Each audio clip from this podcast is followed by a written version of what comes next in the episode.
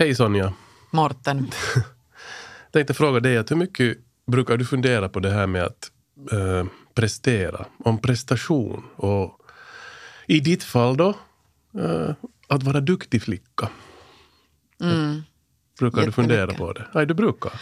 Jo, eller ska vi säga som så att, att uh, längs med livet så har jag funderat på det ganska mycket. För att jag tror att när man är en yngre kvinna, jag vet inte om det har med, med, med att, vara, att göra med att, att man är tjej, så hade jag jättehöga prestationskrav på mig själv i början. Speciellt i den här branschen när man på något sätt ville bevisa att man klarar av det. Och ibland också på sån här mikronivå så hade jag höga krav på mig själv gällande varje intervju till exempel som jag gjorde. Att jag förberedde mig någonting alldeles galet mycket. Men sen, jag menar inte att jag har blivit lat, men jag har också märkt att det korrelerar inte alltid de här förberedelserna med hur en intervju till exempel går. Om vi nu tar det som exempel. Att, att jag har börjat liksom se mig på mig själv med snällare ögon desto äldre jag har blivit för att prestationsångest och höga krav på en själv resulterar inte i något annat än en, en överdriven stress och kanske till och med utmattning. Mm. För idag ska vi tala om just det här. Det vill säga att ställa höga krav på sig själv och ibland kanske för höga krav på sig själv. Veckans gäst är nämligen en person som ofta har ställt höga krav på sig själv och hon kommer dessutom från en skidlöparsläkt där alla i familjen har skidat eller skidar på hög nivå. Och, och där prestation har varit lite av familjens motto på gott och på ont. Eh, den senaste tiden har dock veckans gäst varit i rampljuset av helt andra orsaker än skidning. Men likväl har det gällt att prestera. För veckans gäst är Finlands Lucia 2019, Sara Rai. Nu som eh, Finlands eh, Lucia så upplevde hon att hennes erfarenheter kring det här med prestation var något som hon började allt mer att fundera på. Och att det skulle vara viktigt att hitta en lagom väg. Och det har varit hennes utmaning. Yes, vi börjar med att lyssna till ett klipp eh, från hennes tid som Lucia. Och, och då börjar vi med att få höra hur det lät när hon nyss hade fått veta att det var just hon som hade blivit vald och när hon ringde upp sin farmor för att berätta den glada nyheten. Hej Fammo! Hej! H- Hur är, det, hur, är det, hur är det med det? Jag har bakat pepparkakor. Har du bakat pepparkakorna? Vad kul! Vi vet nu, skulle du vilja veta? no, hej klart. Eh, just nu så, så står jag med en mikrofon framför mig och du är med i TV nu Fammo. Jaha, Så de står och intervjuar Finlands Lucia 2019. va? Jag är Finlands Lucia Fammo. Är det sant? Ja, det är sant. Nej, hör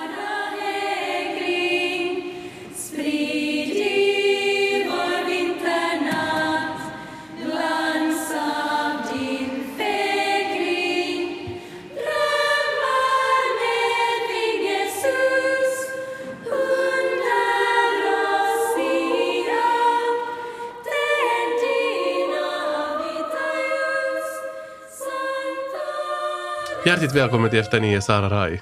Tack så mycket. Där fick vi höra det, lite eh, stämsång från din tid som Lucia. Före vi går in på det här ämnet och din utmaning, så berätta nu. Hur har det varit att vara Lucia? Det har varit helt fantastiskt. Um, ett sånt här standardsvar, men det är verkligen sant. Alltså, det är nog en av de allra bästa tiderna i mitt liv.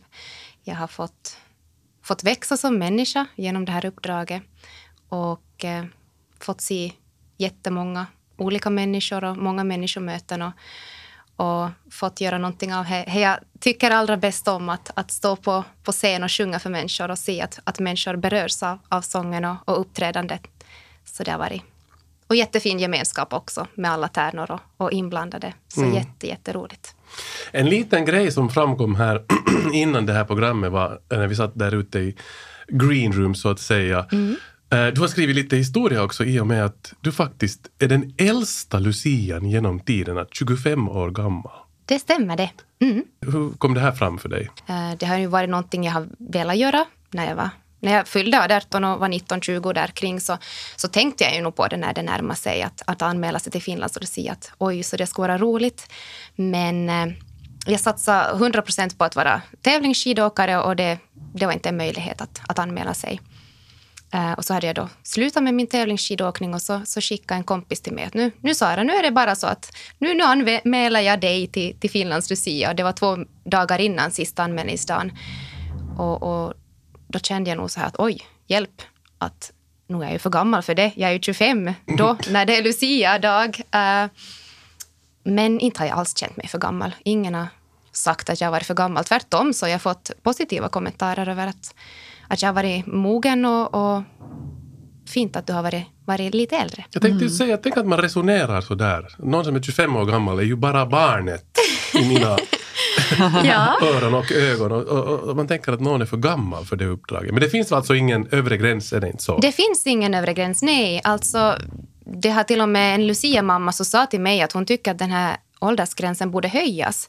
Att nu är den ju då 18 år, men enligt henne så skulle den borde vara 20 år eftersom det är ett väldigt krävande uppdrag. Och, och det visar sig nog vara mycket mer krävande än, än vad jag först hade trott. Att, att omkring 100 uppträdanden på, på en, en knapp månad så, så är ganska tufft. Mm. Men det riktas ju jättemycket uppmärksamhet eh, på Lucia just kring, kring den 13 december. Men sen ja. blir det ganska tyst. Mm. Eh, men med dina uppdrag, som sagt, över hundra besök. Berätta lite hur, hur, hur, din månad såg ut direkt efter kröningen. Ja, no, alltså kröningen och, och Lucia-dagen så var ju nog kanske den mest intensiva dagen. Eh, då, då hann jag nästan inte tänka heller på kvällen. Så var jag nog så här att vad, har, jag, har, jag, levt en dröm eller har jag, har jag nog varit med om det här verkligen? Men sen den 14 december så insåg jag nog att det här är nog riktigt på riktigt. Att nu, nu, börjar, nu börjar arbetet. Eh, så vi hade många uppträdanden då. Det var nog som sån här mindre uppträdande vi hade efteråt. Förutom den här eh, 70-årskonserten som då var 15-12. Eh, då var det ganska stor keikka. Men, men annars så, så har vi besökt många sådana här äldreboenden och sjukhus och folkhälsanhus runt om i svensk Finland. Och ibland har det varit en publik på bara fem personer som har lyssnat. Kanske tre i, i vissa avdelningar på sjukhus. Att det, den sidan så, så syns ju inte utåt, utan det är ju den här glamorösa, mm. glamorösa kröningen med, med det här ja, som, som, som syns utåt. Men det, det är så mycket mer. Eftersom vi talar idag om prestation så tänkte jag det här med att, att uh, överhuvudtaget ställa upp i det här Lucia-valet och sen ännu bli vald. Överhuvudtaget tanken, det är ju också en sorts att sätta, ställa ett krav på sig själv. Mm. Att ta den här rollen. Och jag tänkte bara läsa upp helt kort här från, från din presentation inför Före du blev vald till Lucia så, så, skrev du ju att, så här att genom att vara mig själv hoppas jag också kunna förmedla att människan duger som hon är och att hennes värde inte ligger i prestationer. Mm. Ett budskap som många vet men som man ändå har svårt att förstå. Jag har haft många tunga år med en hel del motgångar under mina år som tävlingsskidåkare. Med mina erfarenheter hoppas jag kunna bemöta olika människor i olika livssituationer. Så mm. där förekom det den här tanken om att kanske varva ner på något sätt och inte ställa för höga krav på sig själv. Ja. Uh, är det någonting som du hade innan det här kommit till insikt om eller, eller blev det mera kanske något som du tänkte på under din, din tid som Lucia? Det här med, med prestation och hur jag, hur jag förhåller mig till det så har nog främst varit kopplat till kanske min skidåknings eller skidåkarkarriär. Där, där har jag tampats mycket med, med det. Men, men Lucia blev på något sätt, där var det också mycket med prestation och, och det var många tuffa dagar och man var lite trött och så här och ändå så skulle man eh, tända ljusen och se glad ut och, och sjunga och leverera. Men, men jag kände att det var, det, Lucia-tiden blev på något sätt ett kvitto på att nej, men jag har lärt mig att, att hantera det här med prestation. Inte jag är ännu fullärd, men, men jag har lärt mig väldigt mycket. Och jag, jag kunde ta Lucia-prestationen med, med ro och jag kände att jag hade, hade frid liksom inom mig. Jag kände att, att jag behöver inte prestera utan jag, jag får nu bara njuta och, och göra jobbet. Och, mm. Mm.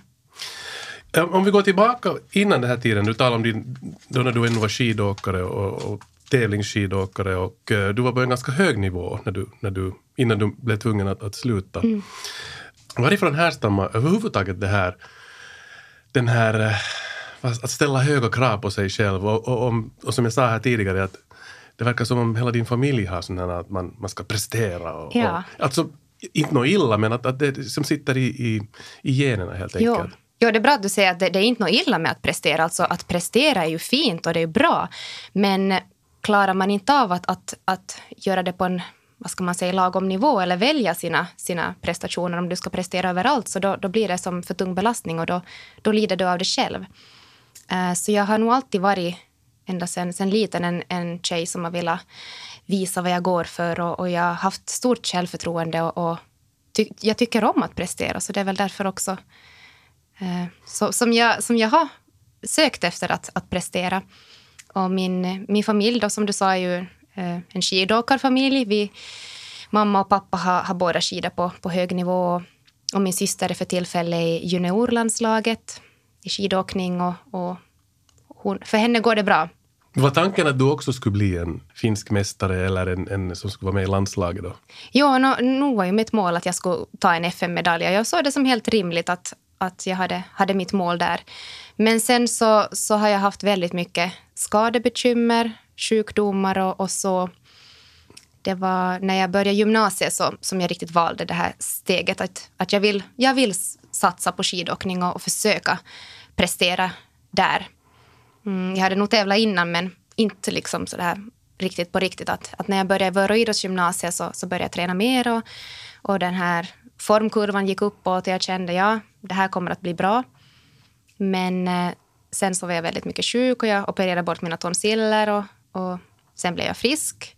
Men så kom andra problem och jag, jag hade en axel som jag jobbade hårt med flera år som slutade i en operation. Eh, den operationen blev lyckad men sen så, så fick jag problem med foten.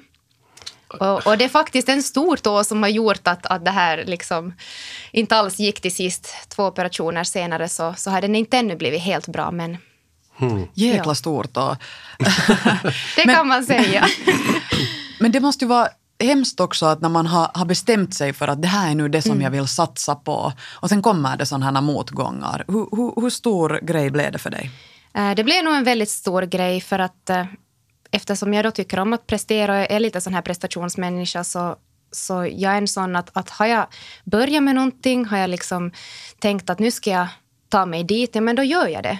Att jag har haft stort självförtroende och jag vet att ja, men jag klarar det, jag kan det här. Sen var det tufft att, att inse att nej, men kroppen samarbetar inte och, och du måste du måste ha en kropp som samarbetar. Och det, det kanske låter lite töntigt att, att nej, men en tå ställer till det, men, men man ska ha tån till ganska mycket. Så att Man ska lyssna till sin kropp ändå, ska man inte?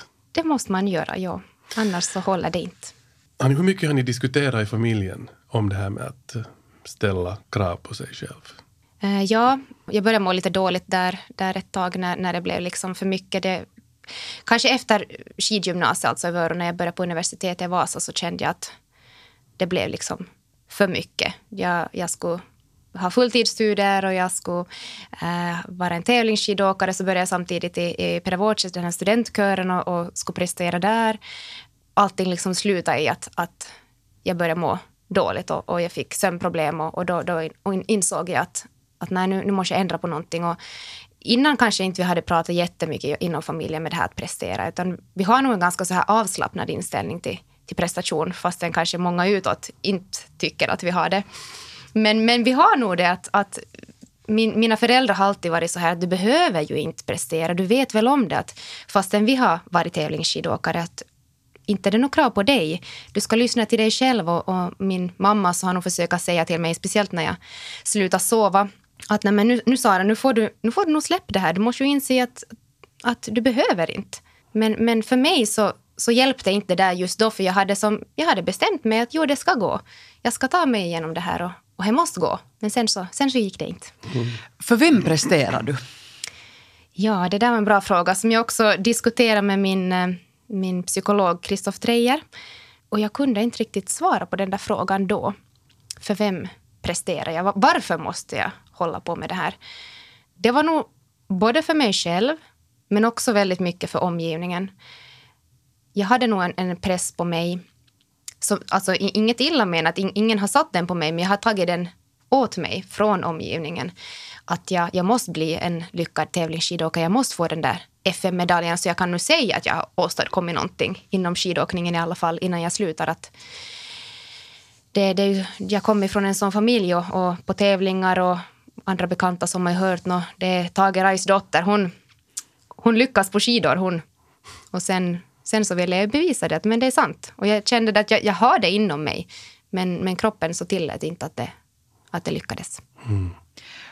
I och med att eh, man är då dotter till, till, till någon som eh, har, klarat sig väldigt bra och, och, och därifrån kanske det kommer någon slags eh, förväntningar. Så, så hur mycket tror du att de här förväntningarna är verkliga eller att, att det är någonting som du går omkring och tänker på?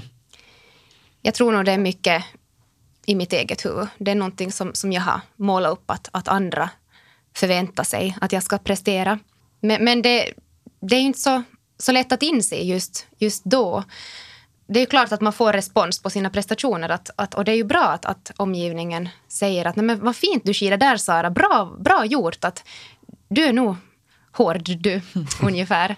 Men, men det här kan också vara som en negativ vad ska man säga, feedback till ens själv. Eller det, det kan bli så här, om man får, får bara bekräftelse för sina prestationer så då, då blir det på något sätt att man känner att, att ens självkänsla och e-, egenvärde sitter i det jag presterar. Att, jag har ju sagt att jag har haft bra självförtroende men, men min självkänsla kanske inte alltid har varit så bra. Mm. Ja, du menar att det ska inte vara det vad du gör och presterar som någon ska tycka om dig, utan det är för den du är, oavsett prestationer eller, eller resultat, så att säga. Ja, ja alltså det, det, det är ju klart att man får uppmärksamma prestationer. Det är bra att man gör det, men, men det, det kan hända att det leder till att man, om man har tendens för att, att vara en duktig flicka, att man, eh, man kopplar sitt egenvärde till prestationerna. Det är kanske en orsak till varför, varför jag hade en väldigt tuff period där innan jag insåg att nej, tävlingsskidåkning är inte min väg att gå här i livet. Ni lyssnar alltså på Efter nio här tillsammans med Sonja Kailasari med mig Mårten Svartström och vi sitter här tillsammans med Sara Rai, Finlands Lucia 2019, före detta tävlingsskidåkare. Och eh, vi talar om prestation och hur man ska ja, göra för att inte ställa allt för höga krav på sig själv utan på en sund nivå. Du nämnde Sara Kristoff Treijer som, som du alltså haft mycket kontakt med redan som, som eh, skidlöpare. Uh, han är ju alltså en, en verkligt anlitad eh, mental tränare, en coach och en föreläsare. Och han talar ju också mycket om det här att, att om man ställer krav på sig själv så ska man försöka hitta just en, en sund nivå på något sätt. Hur mycket har ni diskuterat sinsemellan det här med att, eh, både under din skidlöparkarriär men också nu efteråt, att, att hur man ska hitta det här? Ja, jo, vi har pratat om det. Men med Kristoff så, så har vi mera fört ett samtal och han har inte försökt komma med massa sanningar till mig och sagt att så här och så här och så här och så här ska du göra för att du ska bli bra. Utan han har på något sätt fått mig själv att inse det jag redan vet. Jag tror på mig själv, på den jag är och inte på mina prestationer. Hur har du lyckats skapa en, en bra självkänsla? Nå, det har ju nog varit en process eh, som fortsätter än idag. Efter att jag hade gått ut idrottsgymnasiet och, och, och börjat studera i Vasa till klasslärare eh, Eh, så har jag nog sett en, en ganska så här stor utveckling. Det var nog att jag blev mer medveten om mig själv och vad som är, vad som är viktigt i livet. Att när jag märkte att, att skidåkningen gick inte så som jag hade tänkt mig, jag kunde inte prestera det jag ville trots att jag jobbade så hårt jag kunde. Så började jag lite, lite fundera, att, nej, men varför gör jag det här? Varför måste jag skida? Det blev, det blev liksom ett måste det här, att jag måste prestera inom skidåkningen för att jag har, jag har bestämt mig för det. När jag sen funderade att va, va, varför gör jag det här så, så kom jag fram till att, att inte är det här det, det viktigaste i livet för mig, att jag ska bli en bra tävlingsskidåkare och, och visa för, för andra och för mig själv att jag kan det här. Utan det, det blev på något sätt att jag, jag började förstå det här att du är bra som du är och du är, ditt värde ligger i den du är och inte i dina prestationer. Att, som jag sa så är det en stor skillnad mellan det här att veta och förstå. Det är många som vet, de flesta vet att nej men du, du är värdefull. Du, ditt värde ligger i den du är och inte i dina prestationer. Men om inte du känner det själv och, och förstår det så, så inte har det någon betydelse. Inte hade det någon betydelse för mig när jag hade bestämt mig för att, att lyckas på skidor. Men det har nog varit en, en process att, att ta ett steg tillbaka, fundera vad är viktigt för mig. Det är nog den vägen jag har gått. Jag är också eh, troende kristen. Så det har varit någonting som för mig personligen har fått mig att inse det här. Att, och jag börjar på något sätt känna inom mig att nej men, Gud säger liksom vem du är. Och han har skapat dig så otroligt fin. Han har skapat alla människor så otroligt fina. Där har vi vårt värde. Där har jag mitt värde. Och jag, jag kände liksom en, en stor frid i det här. Att, att det blev mer att jag får prestera, men jag måste inte. Jag vet inte vad som kommer att hända om ett år, om två år. Min framtid är väldigt oviss. Men eh, viktigast just nu så känner jag att vara, vara närvarande och, och se allt det fina som, som finns här och nu med alla, alla människor, alla relationer, mina studier som jag trivs bra med. Och, och jag flyttade till Åbo i, i höstas och, och började studera biologi eftersom jag vill bli gymnasielärare.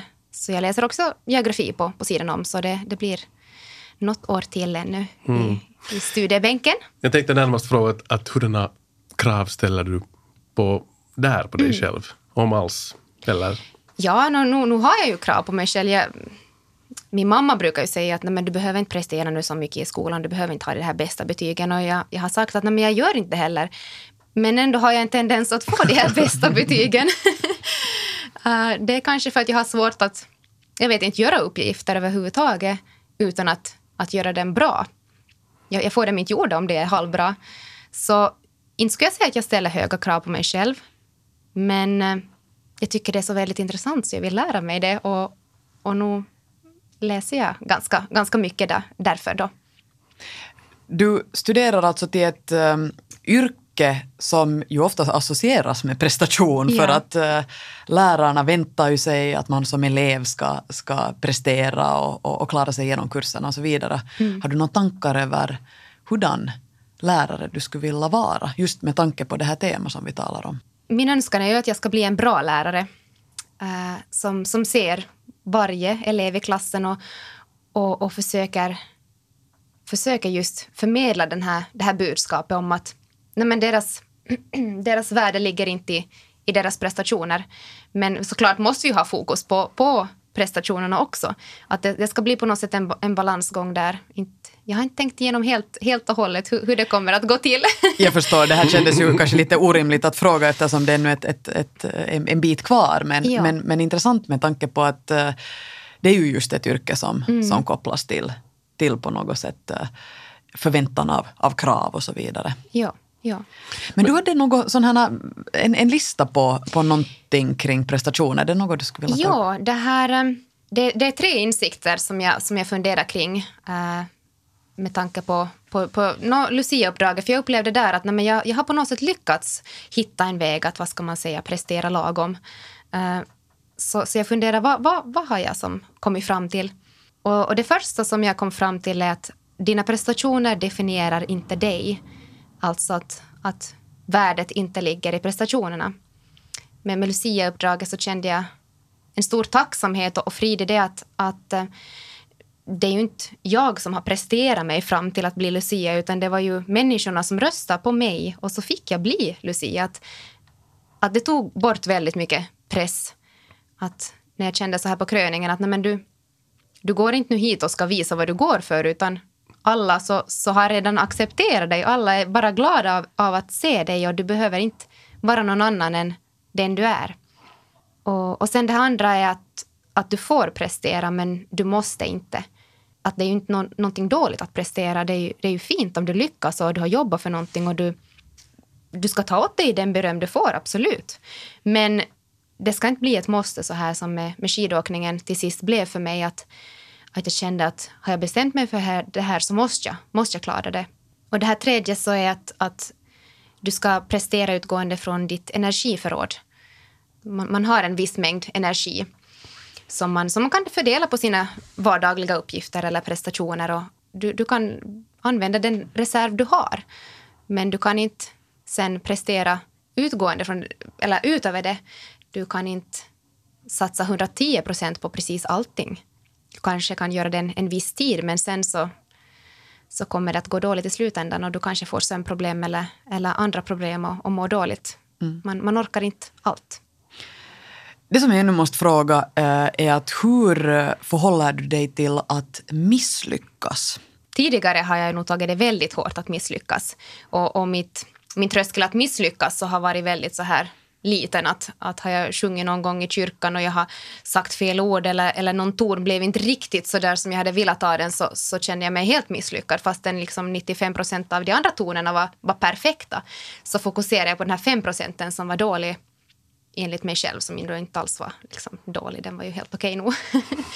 um, så, så det är nog någonting jag också har fått jobba med, eller jobba med och jobba med, som jag kanske har bara lärt mig att, att ta.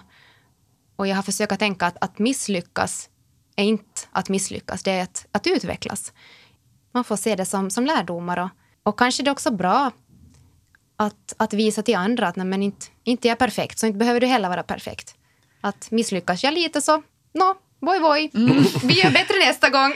Jag blir personligen alltid så glad när någon misslyckas och, och inte överhuvudtaget, nu missförstå mig inte att, att det Eller kan missförstå, missförstå dig rätt. Missförstå mig Ja. rätt, precis. Att inte sådär haha, yes, nu, nu gjorde du bort det, utan verkligen, desto mer människor visar sig vara människor eh, och inte något övermänniskor, så desto skönare tycker jag att hela samhället och allt Exakt. blir. Vad tänker du Mårten?